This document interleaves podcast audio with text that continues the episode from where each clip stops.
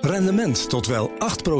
Ontdek Unity. Wij bieden koppelbare werk, kantoor en opslagruimtes die staan voor duurzaamheid, kwaliteit en veelzijdigheid. Sluit je aan bij Unity, waar alle ruimte is voor creativiteit, lef en rendement. Kijk voor meer informatie op unity-units.nl.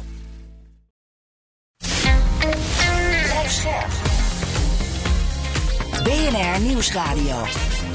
Boekenstein en de Wijk. Hugo Reitsma. Welkom bij Boekenstein en de Wijk. Het is vrijdag, dag 709 van de oorlog in Oekraïne. Maar we moeten beginnen in Brussel, want daar is het gelukt. Een deal met Orbán van Hongarije over een nieuw steunpakket voor Oekraïne. A, 50 miljard euro voor de komende vier jaar. Dat is toch wel echt geweldig, hè? Kijk, Orbán is kennelijk zo onder druk gezet dat hij dus nu overstag is. Die 50 miljard is nu vrij. En wat ook mislukt is, hij wilde dus dan een vetorecht elk jaar hebben. Er komt nu een tweejaarlijkse evaluatie, maar dan heeft hij ook geen vetorecht. Dus helemaal om. Hij voelde zich geïsoleerd. De economie stond onder druk. Iedereen was tegen hem. Sommige mensen wilden het stemrecht ontnemen. Het was voldoende om hem. Uh... En volgens mij komt die tweejaarlijkse evaluatie ook nog een keer al, er alleen als alle lidstaten daarmee akkoord gaan. Exact. En, uh, natuurlijk gebeurt er een evaluatie. Dat doe je, volgens mij doe je dat elk jaar. Dat Heel kan fatsoenlijk. Dus dit is gewoon. Uh, Ja, geen politiek even in de hoek gezet. Ja, maar dit is toch wel dat Europa dat eh, door de bocht komt. In zeker. Amerika nog niet gelukt, maar Nee, Europa dat zag het ook doet. eh, tegelijkertijd eh, dat Zelensky zei van nou, dit hebben we dan binnen. En nu Amerika nog. Ja. Het gaat echt om immense bedragen. hè, Dus dit, dit gaat over eh, 50 miljard. We zien even goed om het eh, aan te geven van wat, wat nou de bedragen zijn die op tafel zijn gelegd sinds het begin van de oorlog. Dus iets meer dan 43 miljard door de Europese Unie voor ondersteuning, eh, laten we zeggen, van humanitaire hulp, begrotingsondersteuning om ervoor te zorgen dat het land eh, eh, economisch sociaal niet eh, door zijn hoeven gaat. Dat is heel belangrijk. Dat is het geld, die 50 miljard, is ook hiervoor. Mhm. Het is geen militaire steun, wat veel mensen denken, maar het is echt voor eh, bedoeld om dat land niet eh, te laten instorten. 28 miljard uit Europa is eh, specifiek voor militaire steun eh, vrijgemaakt. 6 miljard komt uit de EU-fondsen, dus een hele hoop niet. Een hele hoop gaat ook gewoon bilateraal. Als je het vergelijkt met Amerika, denk dat dat toch even belangrijk is. Amerika heeft grosso modo evenveel uitgegeven aan, eh, aan steun en militaire hulpverlening als de Europese Unie. Daar wordt nu gesteggeld over 60 miljard dollar. En dat is het bedrag waarvan we ja, ons afvragen, gaat dat er komen? Ja. Dat is wel belangrijk, want dat is een bedrag, er zit maar 11 miljard in voor het ondersteunen van de economie en voor humanitaire hulp. En de rest, dus bijna 50 miljard dollar, Wapens. is wapens. Is Mhm. Wapens en munitie. Nou, dat heeft Oekraïne echt nodig. Ja. Want de grote voorraden zitten in Amerika en die zitten niet in Ja. Europa. Ik zag overigens, volgende week is... Amerika heeft een heel raar wetgevingsproces... maar dan is er een teststemming... waarin de eh, steun aan Oekraïne moet gekoppeld worden... aan eh, wat de Republikeinen willen met eh, immigratiebeperkingen... En, en dingen voor de grens. Dus dat, dat wordt een belangrijk moment om Ja, naar te zeker. kijken. En ook het Israëlpakket onzeker. zit er ook in. Ja, de, de- de, vraag is natuurlijk wat er gaat gebeuren in Amerika. En ze kijken heel erg goed, denk ik, naar wat er nu is gebeurd in Europa. De, de mooiste Hm. analyses over wat er gebeurd is in Brussel, die vond je in de Amerikaanse kanten, niet in de Europese kanten. Heel interessant. En denk ik eh, dat er ongelooflijk goed naar wordt gekeken. Ook in China wordt er heel goed naar gekeken. En in Rusland wat hier eh, gebeurt. Het zou wel eens een keer een eh, steun in de rug kunnen zijn om het pakket toch door het Amerikaanse congres Hm. te loodsen. Overigens, als we eh, toch met goed nieuws bezig zijn, zag ik nog maandag komt het Hongaarse parlement terug van reces om te stemmen over de Zweedse Ja, NAVO-toetreding. fantastisch. Dit ja. is wel een goed moment voor Europa eigenlijk. eh. Ja, zeker. En daar had Orbán ook zijn hand over gespeeld. Want hij twitterde van, nou laat de Zweedse minister van Buitenlandse Zaken maar even naar mij toe komen. Dan kunnen we er even over onderhandelen. En dat liep dus uit de handen. Ja. En nu gaat het gelijk het parlement. Ja. Morgen in de uitzending een diepgravend gesprek over het belang van deze deal ook voor Europa zelf. Ja. Laten we eens eventjes kijken naar Oekraïne zelf en dan het slagveld. Rob? Ja, nou ja, kijk, ehm Avdivka, weer eh, een plusje voor eh, Rusland. Datzelfde geldt ook eh, in het gebied rond de stad Donetsk. Vanuit het eh, zuiden en zuidwesten wordt daar, wordt daar gevochten en komt Rusland wat, wat verder. Ja, dit is allemaal in de Donbass. hè? Ja, exact. En op, in de, op de scheidslijn, de grens van de Donetsk en Zaporizhia-regio, daar zie je dan weer dat eh, de Oekraïners wat vorderingen maakt. Ehm, maar wat ik het meest interessant vind op dit ogenblik is eh, de discussies die nu plaatsvinden over hoe je hier mee om moet gaan. Die vinden plaats in Oekraïne, maar die vinden ook plaats in, uh, in Rusland zelf. Nou. Poetin die heeft uh, bij een bijeenkomst met lui die hem on moeten ondersteunen in zijn herverkiezingscampagne. Ik bedoel, ja, nou ja, weet je, dat uh, wordt toch een beetje gefabriceerd. Dus. Maar goed, Mhm. er zijn dus ook mensen die daarvoor worden ingezet. Daar heeft hij, eh, heeft hij zich redelijk vaag uitgelaten van wat hij nu eigenlijk wil. En daar heeft hij de indicatie gegeven dat wat hij op korte termijn wil, is het eh, hebben van een gedemilitariseerde zone, zoals hij hem dat dan noemt. Waar dus eh, geen Oekraïnse wapens in zitten. Om ervoor te zorgen dat bijvoorbeeld de Krim, maar ook Belgorod, dat ligt dus over de grens eh, in, eh, in Rusland, eh, dat die gevrijwaard worden van eh, eh, aanvallen met lange afstandswapens. Aha. Dus dan moet hij in het noorden opnieuw Oekraïne binnenvallen om dat te regelen. Bij wijze van spreken. Ja. En dan zou hij dus ook Kharkiv moeten, eh, Pakken. moeten pakken. Ja, Mm. exact. En eh, hij moet dus ook de boel verder opschuiven in de Donbass. Dan zou dat kunnen lukken. Dan wordt, komt het buiten het bereik te liggen van, eh, de, van de Krim. Dus Ja. het, het, als je dus nu kijkt wat er gebeurt met dat offensief. Dan lijkt het hierover te gaan. Ja. Dat dit een soort interim oplossing eh, is. Maar het succes is slechts voetbalvelden. En Ja. waar we nu over praten is veel meer dan voetbalvelden. Ja, hij moet gewoon echt vele kilometers moet hij erbij plussen. En dan kom je weer met eh, de vraag: eh, kan Oekraïne het droog houden? Omdat ze toch een gebrek hebben aan fortificaties in die regio's. Lukt dat of lukt dat niet? En munitie. Ja. en munitie. En dan zie je weer, en dat maakt het gewoon eh, echt interessant, vind ik, eh, dat die eh, mailbloggers in, in Rusland die zeggen van ja jongens, dit doen jullie helemaal niet goed. Dus er worden grote tactische fouten gemaakt, Moskou, dit moet je echt anders aanpakken. Dan zie je vervolgens dat eh Zelensky, de hoogste militair van, van Oekraïne, die heeft weer een nieuw essay afgescheiden. Waarin die eigenlijk gaat uitleggen wat er dan moet gaan gebeuren. Hij, hij- Op CNN is dat gepubliceerd. nou, hè? onder andere, maar het is, eh, het is volgens mij een afgeleide van een, een breder e- essay dat eh, eh, in een taal is geschreven die ik in ieder geval niet kan lezen, namelijk Oekraïens. Maar in ieder geval, eh, wat, er- wat er gebeurt, ik heb eigenlijk gewoon het hele stuk wel kunnen lezen, omdat het ook vertaald kan worden. Hij praat over een aantal beslissende voorwaarden. Het is allemaal niet echt eh, geniaal wat hij op papier zet. Eh, elke militaire deskundige kan, komt een end hoor met die eh, redenering. Die zegt van nou, wat we moeten hebben is luchtoverwicht. We moeten eh, een betrouwbare logistiek hebben. We moeten eh, een ongeloo- ongelooflijk goede capaciteit hebben om verkenningen te kunnen uitvoeren. Zowel op de grond als door middel van satellieten als door middel van drones. Ehm, we moeten het mogelijk maken dat het Russische offensief niet veel verder komt. Dat betekent onder andere ook eh, die fortificaties. We moeten meer mobiliteit hebben. Nou, ga zo maar door. Dan zegt hij, ja, wat betekent dat? En hoe zijn dan de krachtsverhoudingen? En dan zegt hij, ja, de Russen zijn echt enorm in het voordeel als het gaat over de industriële basis in het Mhm. land. Daar kunnen wij niet tegenop. Ze zijn ook enorm in het voordeel als het gaat om eh, de hoeveelheid mankracht die ze op eh, de plank eh, kunnen, Hm. eh, kunnen brengen. En dat betekent eigenlijk dat we naar een hele nieuwe filosofie moeten gaan. En als ik, met, als, ik het, als ik het goed lees, en dat zegt hij niet met zoveel woorden, betekent dat gewoon een defensieve strategie houden wat je hebt. En proberen om eh, met een aantal eh, bijvoorbeeld geautomatiseerde systemen, dat is eigenlijk wat hij wil, eh, de, de tegenstander op, eh, op afstand te houden. Dus geautomatiseerde systemen waarvan hij zegt van nou, die moeten dus eigenlijk automatisch kunnen schieten. En het lijkt er dus inderdaad op, als ik het goed interpreteer, want het is toch ook gevaarlijk, ook politiek eh, gevaarlijk. eh, want als je dit, dit inderdaad de interpretatie is, dan zal men zeggen van ja, maar hoor eens even, daarmee geef je land op. Maar eigenlijk zegt hij gewoon, ik moet het zo organiseren dat de Russen niet veel verder komen. Exact. En, en het, het- het politieke achtergrond is natuurlijk dat Zelensky dacht... om dit geld van de EU te krijgen van Amerika... moet ik dus toch offensieve successen behalen. Mhm. En Zelensky had dus in november vorig jaar dat al gezegd... dat gaat niet gebeuren. En nu EU het geld gegeven heeft... zou je kunnen zeggen dat misschien dus die spanning er een beetje af is. Want het is namelijk... Kijk, heeft natuurlijk wel volkomen gelijk. Hè? Dat de zaak zit muur en muur vast. Het zou geweldig zijn als Oekraïne in staat is... om het tegen te houden. Het is wel de vraag overigens of dat dan kan... Hè, met de bestaande munitie voor. Nee, dat gaat dus niet. Dus hij zegt dus ook van eh, wat er gebeuren moet, is dat wij in staat zijn om 24 uur eh, per dag eh, vuur te kunnen uitbrengen. Met name moeten we ver achter de vijandelijke linies gaan slopen. Aanvallen, wat je dus nu eh, ook ziet eh, tegen, eh, tegen de Krim. tegen, het, tegen doelen in Rusland. Dat moet worden geïdentificeerd. En ik vind dat op zich een logische strategie. Ja. Omdat je, als je het niet doet, ja, weet je, dan ben je het kwijt. Dus als het vastzit op de grond, ja, dan moet je iets anders gaan doen. En dan moet je dus achter de, ver achter de vijandelijke linies moet je gaan slopen. En dat is precies wat hier gebeurt.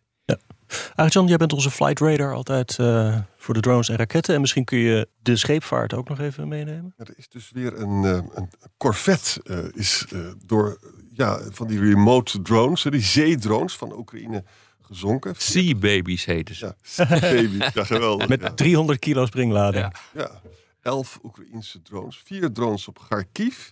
Ook op Belgorod, op Koersk. Ja, het is toch wel heel bijzonder dat die Corvette dus uit de lucht... Het is een klein schip hoor, met veer, bemanning met 40 mensen. En daarnaast zie je dus dan eh, ja, donderdag een Russische raketaanval op een ziekenhuis... in het ten oosten van de Kharkiv-regio. Vier gewonden. Woensdag een raketaanval op Kupiansk. Hè. Rusland onderschepte elf Oekraïnse drones... die naar Belgorod, Koersk en Voronezh gingen. Rusland weer vier drones op Kharkiv. Er twee neergehaald. En woensdag dus, wat jij al noemde, dat is belangrijk, die Scalp en Storm Shadows op de Krim. Op dat Balbek luchthaven. En dat is precies de strategie die Rob ook uitlegt. Hè, van je moet proberen dus achter die linies te slopen. En dan moet je dus hopen dat je voldoende van die Scalps en Storm Shadows nog hebt. En daarbij is ook relevant dat nieuwe wapen dat gemaakt werd door Saab en Boeing. Round launch small diameter bomb. Ja. Die moet ook wat gaan doen. Jij kan dat wel zo goed uitspreken. Hoe krijg je dat wel voor elkaar? Zullen we door naar het Midden-Oosten? Mm, waar ik in afval heb gezien dat de Israëlische minister van Defensie, Galant, heeft gezegd dat ze willen oprukken naar Rafah. Dat is eh, helemaal het zuiden aan de grens met Egypte. Moet je even voorstellen. Ze zijn, mensen zijn gevlucht naar Ra- Ra- Rafah. Ja. En dan moeten ze daar dus weer weg. Hè? Ja, waarheen? En als ze dan naar het noorden gaan, dat legt Rob ook steeds uit, daar komt Hamas dus weer een beetje uit de spelonken. Ja. Is wel een toestand. Nou ja, kijk, ik denk dat dat te maken heeft, die, eh, verder, dat verder oprukken naar het zuiden, waar je onmiddellijk het moet gaan deconflicteren, zoals het in het jargon heet, met Egypte. Eh, maar dat heeft ook te maken met het feit dat diezelfde geland heeft eh, gezegd van we hebben een, de Hamas-brigade die gelegerd was in uh, die hebben we dismanteld, dus onschadelijk gemaakt. Nou, of dat allemaal waar is, dat, dat weet ik niet. Maar dat is in ieder geval wat hij heeft gezegd. Dus hij heeft een succes geclaimd in Gaan Yunis, dat dus iets Ja. boven, iets ten noorden eh, Centrum. ligt, ja, van, van dat grensgebied met Egypte ligt. Dus dat, ja, dan, dan zou je dus inderdaad een volgende fase kunnen ingaan. Benny Kans en Gadi Eisenkot, die, ja, die zijn wel een beetje van de internationale werkelijkheid losgezogen, laat ik het zo zeggen. Want die stellen dus voor om de humanitaire hulp tijdelijk te staken om de druk op Hamas te verhogen. Want 66% van de hulp komt in handen van Hamas. Nou, je ziet dus, dit moet je eigenlijk verbinden met de receptie van de Israëlische optreden in de Amerikaanse samenleving. In november was 40% steunde die acties op de Gazastrook. Of althans 40% vond dat het te ver ging, dus een meerderheid niet. Hè. Nu oh, vindt de helft van de Amerikaanse volwassenen dat Israël te ver gaat. Ja, wat, wat ook niet helpt, denk ik, in dit eh, verband, is eh, de werkwijze van de Israëlische eh, strijdkrachten in eh, Hamas. Namelijk het, het, het opblazen van gebouwen. Ja. Ehm, dat zijn inclusief scholen, VN-scholen, inclusief moskeeën. Het wordt gewoon opgeblazen. En niet alleen aan de grens hè, voor die bufferzone die Exact. ze daar willen. De bedoeling is inderdaad dan om een bufferzone eh, te creëren. De Amerikanen willen dat absoluut niet. Die Nee. zeggen van, we willen niet dat eh, de Gazastrook nog kleiner wordt. Want dat is helemaal een, eh, een, een humanitaire ramp. Ja. Eh, soms gaat het overigens ongehoord mis. Want jullie weten nog, eh, een tijdje geleden, een paar dagen geleden, wanneer was het, een week geleden, zijn er 21 eh, militairen om het, om het leven gekomen. En die waren ook bezig met het eh, gecontroleerd opblazen van een gebouw. Ja. Toen werd er een, eh, een raketwerper werd, gebruikt. En eh, via via is eigenlijk door het afschieten van die raketwerper is vroegtijdig het hele gebouw tot ontploffing gekomen. Waardoor er zoveel doden te betreuren waren. En maar dat gegeven, daarvan zie je nu ook, er zijn ook geweldige foto's van.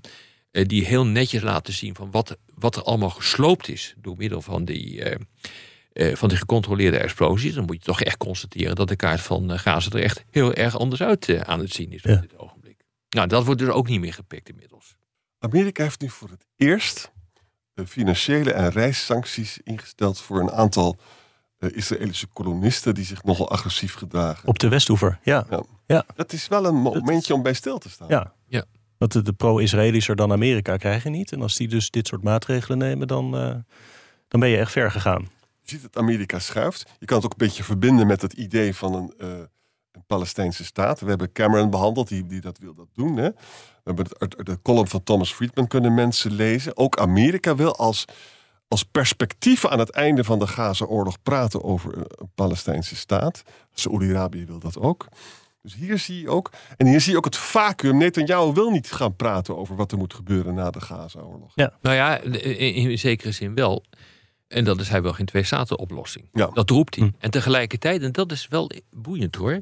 Tegelijkertijd, achter de schermen wordt er ook overleg gevoerd met eh, Saoedi-Arabië. Ja. Saoedi-Arabië en Israël, die willen nog steeds, beide, beide landen willen nog steeds een goede relatie met elkaar eh, proberen te, onder, eh, te onderhouden. Ja.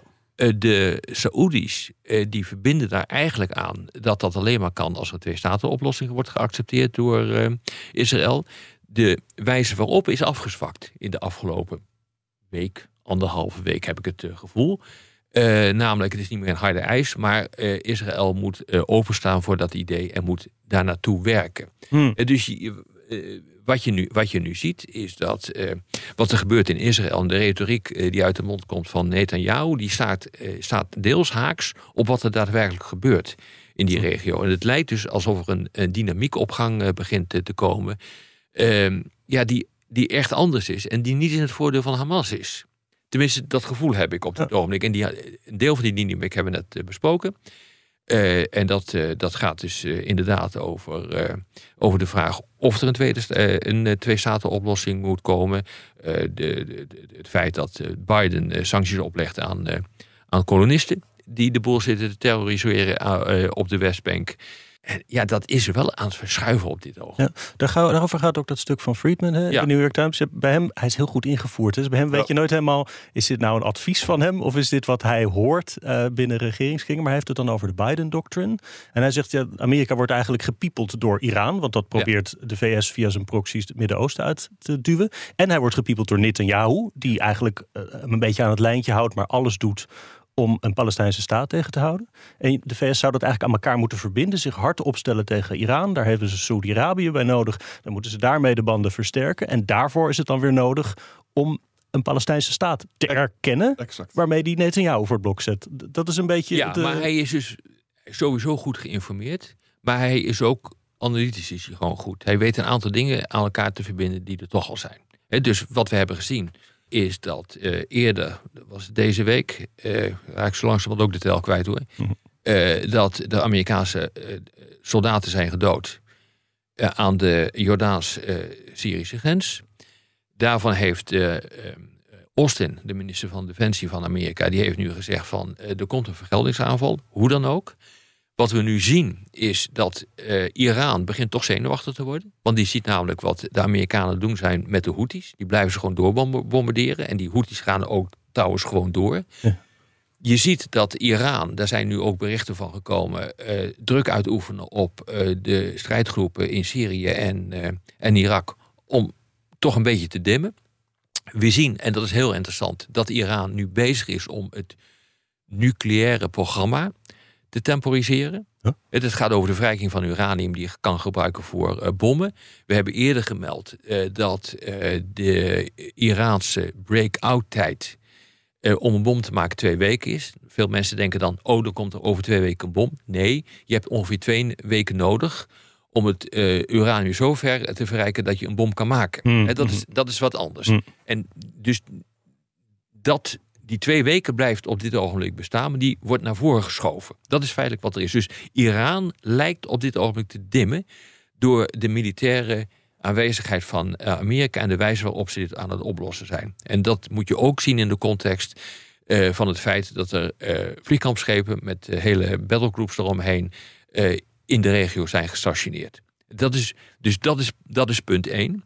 Dan zie je dat het eh, verschuift in de richting de discussie van de twee, ta- twee-staten-oplossing. Dat is ook wat Friedman eh, noemt. Ja. Nou, het zijn allemaal elementen die wij ook continu eh, bespreken. Mhm. Alleen, en die je ook gewoon kunt zien dat, dat, dat die plaatsvinden. Maar waarvan je nu kunt constateren dat begint nu Daar begint nu samenhang in te komen. Ja. En dan noemt hij dat een Biden-doctrine, maar dat doet hij natuurlijk alleen maar om te kunnen zeggen van, ik heb dat bedacht, de Biden-doctrine. Maar dat is natuurlijk flauwekul, want dit is gewoon, hij beschrijft de dynamiek Mhm. eh, die op dit ogenblik. Even nog de Saoedische positie, want het is wel mateloos interessant.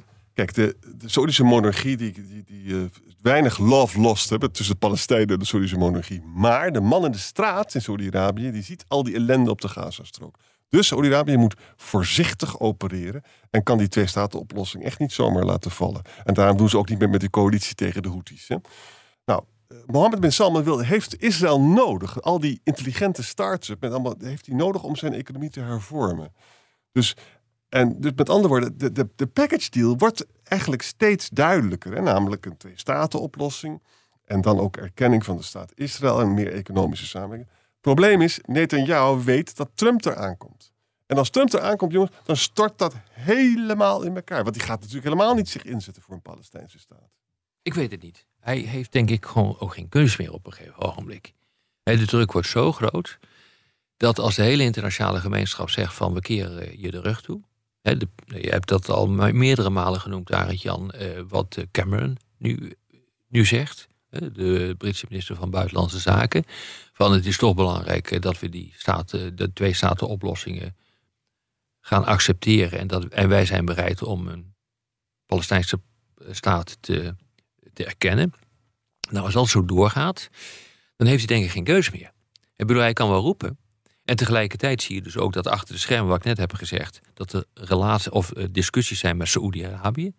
En dat er dus inderdaad achter de schermen wel degelijk, kennelijk, als ik het goed zie, eh, wordt overlegd, te, oh, zelfs tussen Israël en Saoedi-Arabië, over een twee-staten-oplossing. Alleen Netanyahu speelt verschillende spellen op verschillende niveaus. Hij En de- Trump was met de Abraham-akkoorden Ja. natuurlijk bereid ja, om zonder een Palestijnse staat die erkenning van Israël te regelen. Ja. Maar goed, we zullen het zien. Hij is natuurlijk heel erratisch en niemand weet welke kant hij opspringt. Maar het is wel, het is, de Amerikaanse presidentsverkiezingen zijn wel ongelooflijk belangrijk hier hoor. Jongen, jongen, jongen. Men, men spreekt wel eens eh, soms over stroomversnelling van de geschiedenis. Stroomt wel snel, hè? Op het moment allemaal. Snel. nou ja, dit is echt de verandering van de wereldorde. En ik raad iedereen echt aan om eh, eens even heel goed nog een keer te kijken eh, naar dat eh roemruchte, eh, de roemruchte verklaring van Xi en Poetin aan de vooravond van de Olympische Spelen. Ja. En dan praten we dus eh, begin eh 22. Daarna kwam dus de operatie van ehm, eh, Poetin in, Af- eh, in eh, Oekraïne. En, en je, ziet dat, je ziet nu dat dit probleem in het Midden-Oosten al lang geen Gaza-probleem meer is. Gewoon niet meer. Dat is, Gaza is nu inmiddels zelfs ondergeschikt aan Hm.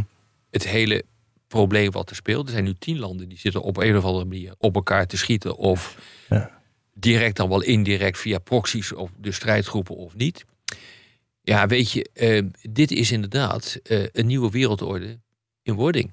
Ja. Dat is natuurlijk onze core business bij uh, Boekenstein in de? En even nog de volatiliteit. Houthis gaan dus gewoon door, hè, zoals we voorspelden natuurlijk. En eh, wij vinden dat Iran zich eh, gematigd opstelt. Hè. Vanmorgen heeft, eh, hebben de moela's ook gezegd van... Nou, wij zullen geen oorlog beginnen. Maar als iemand ons aanvalt, dan zullen we ze van een wandje. En nu lees ik net hier van... eh, de aanvallen op de Amerikaanse krachten zullen gewoon... Amerikaanse troepen zullen gewoon doorgaan, zegt die Al-Nujaba-groep. Je ziet dus ook dat de... Teheran heeft ook niet zoveel greep op de Houthis, maar ook niet op die proxies allemaal. Hè? Want het zijn er wel zes die daar rondlopen. Gezellig podcast. Bedankt weer. Ja, tot morgen. Tot morgen. Rendement tot wel 8%. Ontdek Unity. Wij bieden koppelbare werk, kantoor en opslagruimtes die staan voor duurzaamheid, kwaliteit en veelzijdigheid. Sluit je aan bij Unity, waar alle ruimte is voor creativiteit, lef en rendement. Kijk voor meer informatie op unity-units.nl.